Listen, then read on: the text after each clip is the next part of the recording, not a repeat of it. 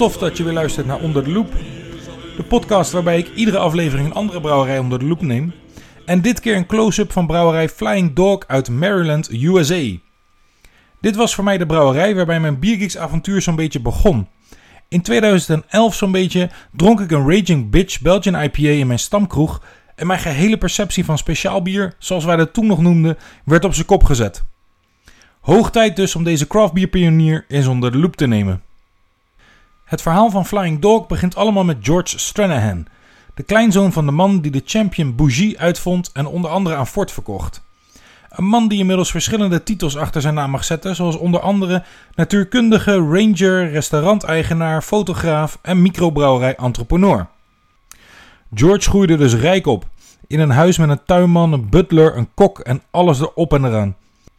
Maar dat was niets voor hem. Hij vond het vreselijk als die Master George werd genoemd. Hij werd naar een dure school voor de elite gestuurd, maar hier kreeg hij nog meer een hekel aan dat snobistische elitegedrag. Hij werd een beetje een Einzelganger die verliefd was op het buitenleven, de bergen en de natuur. Uiteindelijk werd hij toegelaten op de California Institute of Technology Universiteit om natuurkunde te studeren, maar hij bleek altijd als laatste van de klas te eindigen. Stilzitten achter een bureau was gewoon niets voor hem. En dus trok hij in plaats daarvan erop uit om lange wandelingen in de nabijgelegen natuur te maken. Toen hij eindelijk afstudeerde in 1953 was hij 124ste van de 126 uit zijn klas. Hij ging aan het werk als natuurkundige, maar miste de wijdse natuur en de frisse lucht. Inmiddels getrouwd en twee kinderen en dus een paar jaar verder, besluit hij een mini-vakantie te houden en twee weken alleen naar Aspen te gaan, de natuur in. Dit bevalt hem zo goed dat hij bij thuiskomst besluit om voortaan alle zomers daar door te brengen, wat vervolgens ook gebeurde.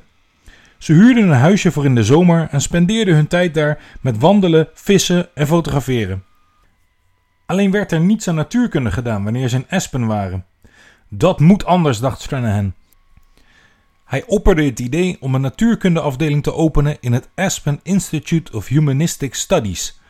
En in 1962 was het zover en opende die deze. Dit werd een plek waar de grote der natuurkundigen samenkomen om te wandelen, vissen, picknicken en te brainstormen. Het leven was goed in Aspen. Totdat in 1980 het gebouw waarin het postkantoor, winkeltje en benzinepomp zat, verkocht werd aan een groep investeerders. Deze plek, dat was een plek waar mensen in Aspen samenkwamen om hun dagelijkse beslommeringen te bespreken. En er was dus kans dat dat verloren ging. Die investeerders die wisten niet zo goed wat ze aan moesten met het gebouw en George Stranahan zag zijn kans schoon en bood ze 800 dollar huur per maand om te doen met het gebouw wat hij wilde. En dat bod werd geaccepteerd. Hij en zijn vrouw besloten om er een pub van te maken, om zo nog steeds een plek te hebben waar de locals konden samenkomen. De Woody Creek Tavern ging het heten. Het café had het in het begin wat moeilijk, maar werd uiteindelijk winstgevend. En een van de vaste gasten van de Woody Creek Tavern was niemand minder dan Hunter S. Thompson, de gonzo-journalist die de meeste faam behaalde met zijn boek, wat later verfilmd werd met Johnny Depp in de hoofdrol, Fear and Loading in Las Vegas. Hij en Stranahan werden goede vrienden en George Stranahan is korte tijd zelfs nog de huisbaas van Thompson geweest. Een aantal jaar na de opening van de pub verkocht hij hem weer en besloot met een groep vrienden de K2-berg in de Himalaya's te beklimmen. De K2-berg of K2 is de één na hoogste berg ter wereld en wordt beschouwd als de moeilijkste berg ter wereld om te beklimmen. De berg heeft een sterftecijfer van 25%. 1 op de 4 komt dus nooit meer terug. Het verhaal gaat dat hij en zijn vrienden met een koffer vol drank, een ezel en een sherpa aan de klim begonnen, maar dat halverwege die koffer met drank al leeg was en de sherpa achter was gebleven met een gebroken been. Uiteindelijk kwam iedereen ongedeerd weer naar beneden en was de tocht volbracht. In een hotel in Pakistan waar ze na die tocht een bier aan het drinken waren, hing een schilderij aan de wand van een lokale kunstenares. Het schilderij liet een typische Chinese mopshond zien met vleugels die aan de voet van de Himalaya stond. Dit schilderij intrigeerde George zoveel dat hij bij thuiskomst alles zo is gaan noemen. Zo werd de koeienranch die hij toen de tijd nog steeds bezitte direct omgedoopt tot Flying Dog Ranch. In 1990 besloot hij wederom een nieuw avontuur aan te gaan en opende met zijn zakenpartner Richard McIntyre een brewpub. Onder de naam Flying Dog Brewpub uiteraard. Het was de eerste brouwerij in Aspen die opende in 100 jaar tijd. Het was direct een groot succes en de bieren die waren niet aan te slepen. Tijd om grootser te gaan denken. In 1994 openden ze in Colorado een brouwerij onder de naam Broadway Brewing Company. Dit was een samenwerking met de brewpub Wincope Brewing Company en hier konden beide brewpubs dus op grote schaal hun bier gaan brouwen. Het was dus rond die tijd dat ze ook labels op flessen nodig hadden en iemand zochten voor het artwork voor die flessen. Goede vriend van de brewpub, Hunter S. Thompson, schoof Ralph Stedman naar voren. Ralph had illustraties gedaan van het boek Fear and in Las Vegas en was dé aangewezen persoon voor deze baan, aldus Thompson. En ja, tot op de dag van vandaag worden die typische labels van Flying Dog gemaakt door Ralph Stedman. En vanaf het moment dat ze dus samen met die andere brewpub een brouwerij openden om op grote schaal te kunnen brouwen, kwam huidig CEO van Flying Dog Jim Caruso in beeld. Jim en een vriend waren halverwege de jaren 90 op een missie om van oude historische en vervallen panden om te toveren in succesvolle brewpubs. Zo hadden ze het oude treinstation in Green Bay omgetoverd tot een brewpub en hetzelfde gedaan voor het oude theater in Omaha. En hij was ook betrokken bij Wincope Brewing Company, wat dus samen met Flying Dog die brouwerij begon in Denver. In het jaar 2000 kocht Flying Dog Wincope Brewing Company uit en werd deze brouwerij dus geheel van Flying Dog. En hiermee kwam Jim Caruso voor Flying Dog te werken. Ze openden later een tweede locatie in Denver om nog meer te kunnen produceren en kochten in 2006 de Frederick Brewing Company in Maryland en begonnen ook daar met de productie van hun bier. Op dat moment produceerden ze dus in drie verschillende brouwerijen hun bier. Maar in 2007 bleek dat beide brouwerijen in Denver samen ongeveer 1 miljoen dollar aan renovaties nodig hadden. En er werd besloten om die dan maar dicht te doen en alleen in Maryland bier te gaan produceren. En daarmee is volgens mij Flying Dog de enige brouwerij ter wereld die in zijn geheel van de ene kant van het land verhuisde naar de andere kant. Op dit moment is Flying Dog de 28ste grootste brouwerij van Amerika, waar meer dan 5000 brouwerijen actief zijn en produceren ze iets meer dan 100.000 barrels per jaar. In Amerika wordt er dus gesproken van barrels bier in plaats van liters, waar 1 barrel ongeveer gelijk staat aan 117 liter bier, wat dus neerkomt op een hele shitlading aan bier. Op dit moment zijn ze wederom op zoek naar een nieuwe locatie om tot zo'n 700.000 barrels bier jaarlijks te kunnen gaan brouwen. Maar volgens mij is dit tijdelijk even stilgelegd. Maar het verhaal van Flying Dog is er niet alleen een van exponentiële groei, maar ook zeker een van freedom of speech en het aanvechten daarvan wanneer ze onrecht wordt aangedaan. Dat begon eigenlijk direct in 1995 toen Ralph Steadman het label maakte van het bier Road Dog. Flying Dog zag bier altijd als vloeibare kunst en het label moest dus ook iets unieks en artistieks zijn. Op het label van Road Dog stond de tekst Good beer, no shit.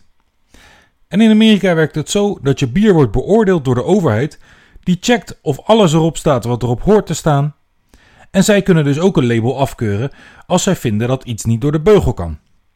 Nadat het label is goedgekeurd door de overheid, moet je label nog worden goedgekeurd door elke staat waar jij je bier wilt verkopen. Als die lokale bobo's je bier hebben goedgekeurd, kan je bier pas verkocht worden. En met het bier Road Dog was het dus zo dat de overheid het had goedgekeurd, maar de staat Colorado het label afkeurde vanwege dat woordje shit. Dat zou te obscene zijn. Dit was dus een kwart miljoen dollar aan bier wat ineens werd afgekeurd. Die labels die werden er dus afgepield en vervangen door nieuwe labels waarop stond Good Beer No Censorship. En Flying Dog sleepte de staat voor het gerecht om hun gelijk te halen dat ze waren benadeeld in hun freedom of speech.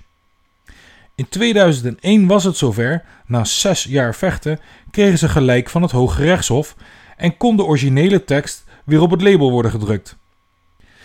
En in 2009 werd hun flagship bier Raging Bitch afgekeurd in de staat Michigan vanwege het woord bitch. Elk bier met het woord bitch erin werd afgekeurd in die staat. Zo ook het bier Bitches Brew van Dogfish Head. Wat een ode is aan jazzcomponist Miles Davis en vernoemd naar het beroemde album waarmee Davis een gouden plaat verdiende. Raging Bitch mocht dus niet verkocht worden in de staat Michigan. Terwijl het woordje bastard dan weer geen probleem was. Bieren als Arrogant Bastard, Backwood Bastard, die werden gewoon toegelaten. Vrij bizar en nogal random dus. Een kunstwerk, film of boek met de term bitch erin zou ook weer geen probleem opleveren. Je kunt dus al raden wat er toen gebeurde. Flying Dog sleepte de Michigan State Liquor Commissioners voor het gerecht. En ook dit gevecht duurde weer zes jaar. Maar na die zes jaar hebben ze wederom gelijk gekregen en was de uitspraak dat freedom of expression ook voor bierlabels geldt. Het mooie hieraan is, is dat ze het geld van het winnen van deze zaak hebben genomen en daar de First Amendment Society mee hebben opgericht. Een non-profit organisatie die zich inzet voor het behoud van freedom of speech and expression. En dan was er ook nog dat akkefietje tussen Flying Dog en de Brewers Association in 2017, wat ervoor zorgde dat Flying Dog uit de Brewers Association stapte. Maar dat laat ik je even zelf uitzoeken, anders wordt deze podcast echt veel te lang. Flying Dog brouwt dus zo'n 600.000 liter bier per jaar en brengt zo'n 41 bieren uit. Van al die bieren drink ik vandaag de Vier, het jaarlijks terugkerende pompoenbier van ze. Het is tenslotte oktober en Halloween staat alweer voor de deur. Pompoenbier is echt iets Amerikaans, maar ook iets wat we hier steeds meer zien. Net zoals Halloween trouwens. Het oudste recept pompoenbier wat gevonden is, stamt uit 1771. Pompoen groeide bijna overal en werd bijna gezien als onkruid. Wanneer er een slechte oogst was geweest, kon een gedeelte van de gerst in het beslag vervangen worden door pompoen. Pompoen bevat namelijk veel vergistbare suikers, wat resulteerde in een wat droger bier. Tegenwoordig zijn er meer pumpkin pie bieren te koop in plaats van echt pompoenbier. Wat dus inhoudt dat er geen pompoen is toegevoegd, maar wel veel kruiden zoals nootmuskaat en kruidnagel. Dit bier van Flying Dog bevat wel degelijk echt pompoen. Zo'n 136 kilogram lokale pompoenpulp per 60 hectoliter bier. Naast de pompoen gaan hier ook kruiden bij, maar deze kruidenmix wordt angstvallig geheim gehouden. Dit is een bier van zo'n 9% alcohol, een echte stevige jongen dus, en wordt gebrouwen sinds 2011. In de geur vind ik kruidnagel, vanille, kaneel en natuurlijk pompoen. En in de smaak ook kaneel, nootmuskaat, wat dadels en natuurlijk weer die pompoen. Goed, ik ga nog even verder genieten van het bier. Bedankt voor het luisteren allemaal en tot de volgende. Proost!